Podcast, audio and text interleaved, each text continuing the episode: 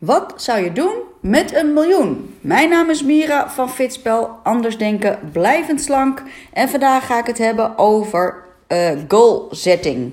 De vraag wat zou je doen met een miljoen stel ik regelmatig tijdens workshops, seminars, trainingen enzovoort. Omdat de vraag die doet wat met je, met de meeste mensen, laat ik het zo zeggen. Die doet wat met je omdat het je fantasie doet spreken. Je kan daarmee laten zien dat jij in visioenen kan gaan denken. Wat zou je doen met een miljoen? Misschien ga je die wereldreis maken die je zo graag wilt uh, hebben. Misschien ga je een huisje kopen voor je studerende kinderen, omdat het zo moeilijk is om een, woning te vinden. Uh, misschien ga je eindelijk de stap wagen om in het buitenland uh, te gaan wonen en te gaan werken. Wat ga je doen met een miljoen? Zorg ervoor dat jouw visioenen opengezet gaan worden. Dat jouw beelddenken gaat spreken. En dat beelddenken, die visioenen, dat is de eerste stap om met een bepaalde visie ergens naartoe te kijken. En elke keer als je een bepaalde doel voor ogen hebt, en als we het hebben over goal setting, dan is het belangrijk om eerst te weten waarom je dat doel hebt. Wat levert het op? Goal setting is natuurlijk echt de manier om niet alleen maar een wens te hebben, maar om zo jouw leven in te gaan richten dat die wens gerealiseerd wordt. Het is eigenlijk, goal setting is eigenlijk het actieplan achter de wens. Het realiseren uh, van de wens. En eh, de personen die dus klaar zijn voor echt goal setting, die onderscheiden zich van de personen die alleen maar blijven wensen. Die alleen maar blijven hopen die geen proactieve uh, houding hebben, die, die, die alleen maar afhankelijk zijn van de uh, omgeving, van, van de gebeurtenissen om hen heen. En juist goal setting is bij uitstek het element waarbij je zelf de regie moet gaan nemen om tot jouw doelen uh, te komen. En heel veel komen mensen dan van ja, ik wil dit wel, maar hoe ga ik dat dan doen? En de hoe-vraag, jongens, ik blijf het zeggen, hij is zo irrelevant. Hoe-vraag is zo niet interessant. Uh, hoe ga je afvallen? Check Google. Hoe moet je je podcast inrichten? Check Google. Uh, hoe moet ik een funnel inrichten? Check Google. Uh, hoe kan ik mij beter op de arbeidsmarkt vergeven? Check Google. Hoe is echt niet interessant als je eerst niet weet waarom je überhaupt iets zou willen veranderen. En dan komen we dus altijd uit bij de waarom-vraag. Het is niet wat wil je, het is niet hoe wil je het, het is altijd waarom wil je het.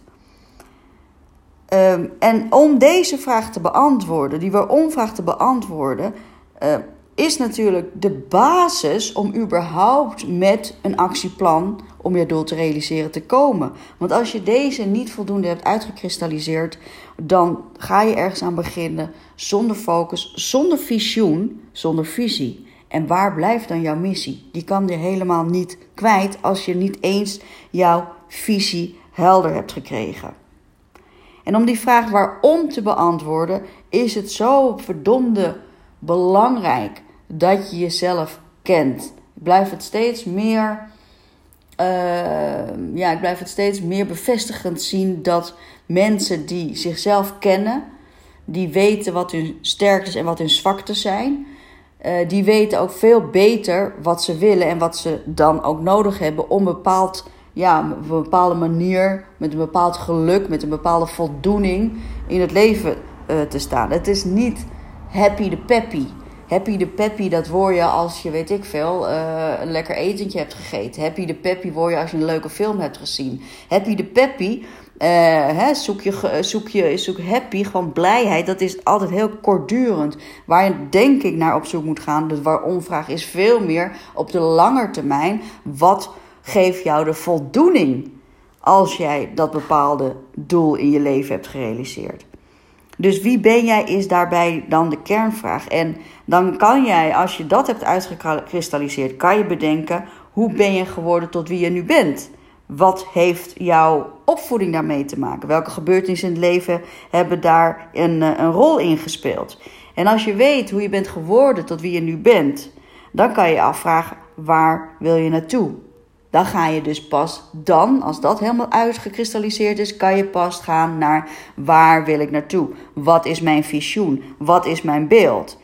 En wat heel vaak mist, is de connectie tussen wat wil ik, waar wil ik naartoe en wat zijn jouw kernwaardes. Dat stukje is naar mijn idee een van de belangrijkste redenen, belangrijkste elementen om een doel met groot succes uh, uh, te realiseren.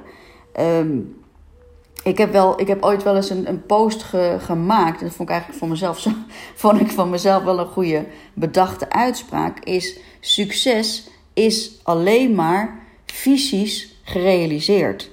Succes is visions realized. Zo heb ik het in het Engels genoemd. Omdat ik dacht, dan kan ik hem mooi op Instagram zetten en dan heb ik wat meer bereik. Ja, zo ben ik natuurlijk dan ook wel weer.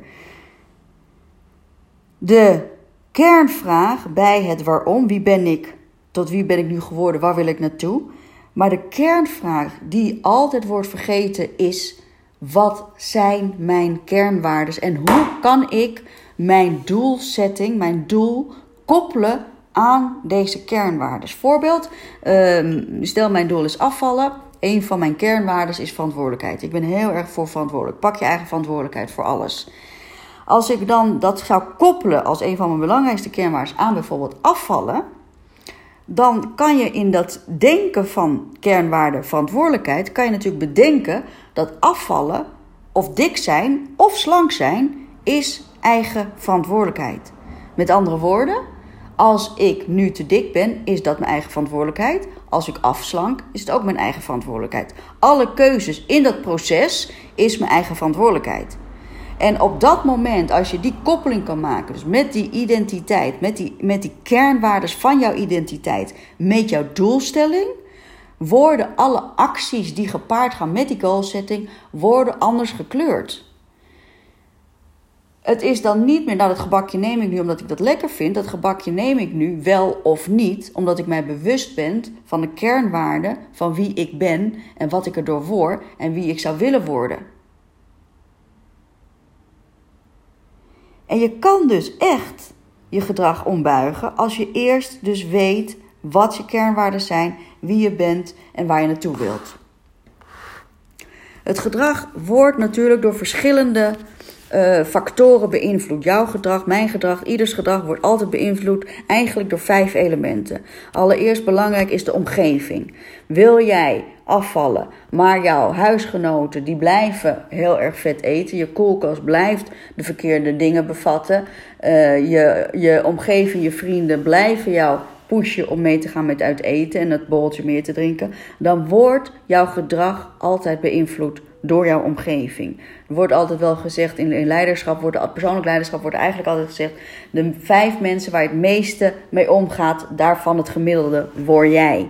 Je gaat automatisch daar naartoe voegen. Word je opgegroeid in een gezin waar het normaal is dat je voor de tv uh, je warme maaltijd opeet uh, en chips eet op de bank, dan ga je dat uiteindelijk ook doen. Dan ga je dat ook waarderen. En dat is een hele andere omgeving dan wanneer mensen aan tafel eten en na het eten nog even een activiteit gaan doen. Sporten of, of, of uh, werken of wat anders, muziek luisteren of wat dan ook. Je wordt beïnvloed door je omgeving. De, de vijf, meest, vijf mensen, directe mensen in je omgeving, een gemiddelde van deze karakters, wordt jijzelf. Jouw gedrag wordt beïnvloed door natuurlijk gebeurtenissen. De vorming van jouw gedrag, jouw identiteit, wordt gevormd door gebeurtenissen uit jouw leven. Positieve en negatieve gebeurtenissen. Heeft er altijd tegen jou gezegd dat jij een dikker bent en dat dat, dat, dat, dat, dat nu eenmaal zo is en ben je nou een gezellige dikkerd, dan ga jij jouw identiteit daarna vormen. Jij bent dan gewoon die gezellige dikkerd. Wat helemaal niet in kern, in identiteit zo hoeft te zijn. Alleen je neemt dat op omdat dat door gebeurtenissen zo bij jou uh, gevormd is. Derde element wat belangrijk is voor jouw gedrag is jouw kennis. Jouw kennis over Enerzijds emotionele kennis, wie ben jij, EQ. Anderzijds IQ, wat weet je over het onderwerp dat jij wil bereiken? Wil jij meer geld verdienen, wat weet je over meer geld verdienen? Wil je afvallen, wat weet je over afvallen? Uh, wil jij meer uh, beter worden in sportprestaties, wat weet je over die bepaalde sport? Als jij echt iets wilt, als je waarom weet, is die kennis ophalen is eigenlijk het meest makkelijke uh, wat je kan gaan doen. Dat is echt niet zo ingewikkeld. Wat verder van invloed is op jouw gedrag, is natuurlijk het resultaat. Hoe vaak heb jij een dieet gedaan waarvan het resultaat nihil was? Het gevolg is dat jij gelooft dat jij niet kan afvallen. Je wordt al dik van water. je wordt al dik als je naar een gebakje kijkt. Al je vriendinnen kunnen alles eten wat ze willen, maar jij wordt al dik van een glas water. Resultaat is dus bepalend wat jouw geloof is en jouw geloof is dus bepalend wat jouw gedrag uiteindelijk gaat worden. En tenslotte, jouw gedrag natuurlijk wordt beïnvloed door de verwachting, het gevoel en de emotie die je bij hebt. En deze laatste, jongens, die verwachting, de gevoel en de emotie, die wordt heel vaak gewoon vergeten. En die is naar mijn idee het aller, allerbelangrijkste, want die hoort weer bij die visie. Die hoort weer bij jouw kernwaarde, bij jouw identiteit en omgeving, gebeurtenissen, kennis, resultaat. We kunnen die allemaal ombuigen. Maar de verwachting, het gevoel en de emotie die je erbij hebt. Dat is bij uitstek juist super persoonlijk, super individueel. En uh, daarom de manier, omdat het zo individueel is, omdat het jouw identiteit raakt, is dat de manier om te gaan uh, kijken hoe we die elementen gaan versterken. Want juist deze elementen, de verwachting, het gevoel wat je erbij hebt en de emotie die je ervan krijgt, die zorgen ervoor dat we intrinsieke motivatie kunnen gaan vergroten. En intrinsieke motivatie, zoals de meesten wel zullen weten, en anders moet je maar eens even mijn blog lezen over motivatie, is waar we naar streven als we ja, voor blijvend resultaat gaan. Dus focus en motivatie. Focus en motivatie zijn echt nodig voor die verwachting, die gevoel en die emotie te vergroten. En uh, ja, dat gaat eigenlijk altijd begin bij een geloof, de verwachting, het gevoel wat je erbij krijgt, bij die visie nogmaals. En pas als we die visie helder hebben, ik blijf het herhalen, ik blijf het herhalen, pas als we die visie hebben, dan pas kunnen we naar die missie toe. En die missie is het actieplan. Hoe ga je het realiseren? Dat is die goalzetting. En wanneer jouw verwachting, jouw gevoel en jouw emotie super groot is, je begrijpt dan ook dat je dan aandurft om grote doelen te stellen voor jezelf. En als jij eenmaal grote doelen voor jezelf hebt gesteld, dan begrijp je ook dat je daar veel actie voor onder moet nemen. Maar als jij veel actie gaat ondernemen, zal je begrijpen dat er ook veel resultaat uitkomt. En dan is het cirkeltje rond. Want dan kom je met veel resultaat, kom jij in een andere omgeving. En door de acties kom jij in andere gebeurtenissen. En door die doelstelling kom jij in andere kennisniveau. En door die grote uh, acties heb jij veel meer resultaat. En kom je uiteindelijk weer terug bij punt 5. Je verwachting, je geloof en je emotie worden dan weer als vanzelf vergroot. En dan is het klokje rond in een positieve spiraal. We hebben hem omgevormd naar een positieve spiraal. En hoe tof is dat? En pas op dat moment, als we dit allemaal aan voorbereiding hebben gedaan, pas op dit moment kunnen we gaan naar de goal setting, naar het actieplan. En als jouw doelstelling bijvoorbeeld is afvallen, en dan uh, ga jij daar pas als je die, die waarom helder hebt, als je die omgevingsgetackeld hebt, pas dan ga je zeggen: Oké, als ik wil afvallen, als dat mijn doelstelling is, 20 kilo afvallen, 30 kilo afvallen, dan hang ik daar 5 KPI's aan, Key Performance Indicators. En die 5 KPI's, die moeten mij kunnen laten zien wat het mij oplevert. En dan gaan we die 5 KPI's gaan we smart maken. En dan heeft die smart formule zin die smartformule direct inzetten als we nog niet de waarom klaar hebben, als we nog niet die KPI's hebben uitgekristalliseerd, heeft die smart totaal geen zin. Dus samenvattend, start altijd met waarom. Wie ben jij? Hoe ben je zo geworden? Waar wil je naartoe? Wat zijn je kernwaarden en waarom wil jij bereiken wat je wil bereiken? Wat daar is daarvan jouw verwachting, jouw gevoel en jouw emotie? Als je dat helder hebt, dan heb je je waarom klaar. Dan ga je je waarom uitsplitsen in 5 KPI's, Key Performance Indicators. Wat levert het jou op als je dat doel hebt bereikt? Denk daar eens over na. Wat levert het jou op als je doel hebt bereikt? En hoe, veel belangrijker, hoe is dat te meten? Hoe is dat te meten? En vervolgens kan je dan in de uiteindelijke goal setting die KPI's smart gaan maken. Specifiek, meetbaar, acceptabel, realistisch en tijdgebonden. En dan hebben we het over goal setting. En als jij dit interessant vindt en, en beseft dat je op deze manier de enige manier is om voor blijvend resultaat te gaan, namelijk voorbereiding, weten waarom je iets wilt, weten wat het jou oplevert, dan wil ik je uitnodigen om te komen naar de Brain Food Seminar. Want die Brain Food Seminar, daar gaan we in een vier uur durende mastertraining, gaan we al deze stappen doorlopen en ga jij naar huis met een kant-en-klaar pakket om mee aan de slag te gaan. Ik ben overtuigd dat voorbereiding, voor welk doel je ook hebt, altijd de basis is om resultaten te gaan halen.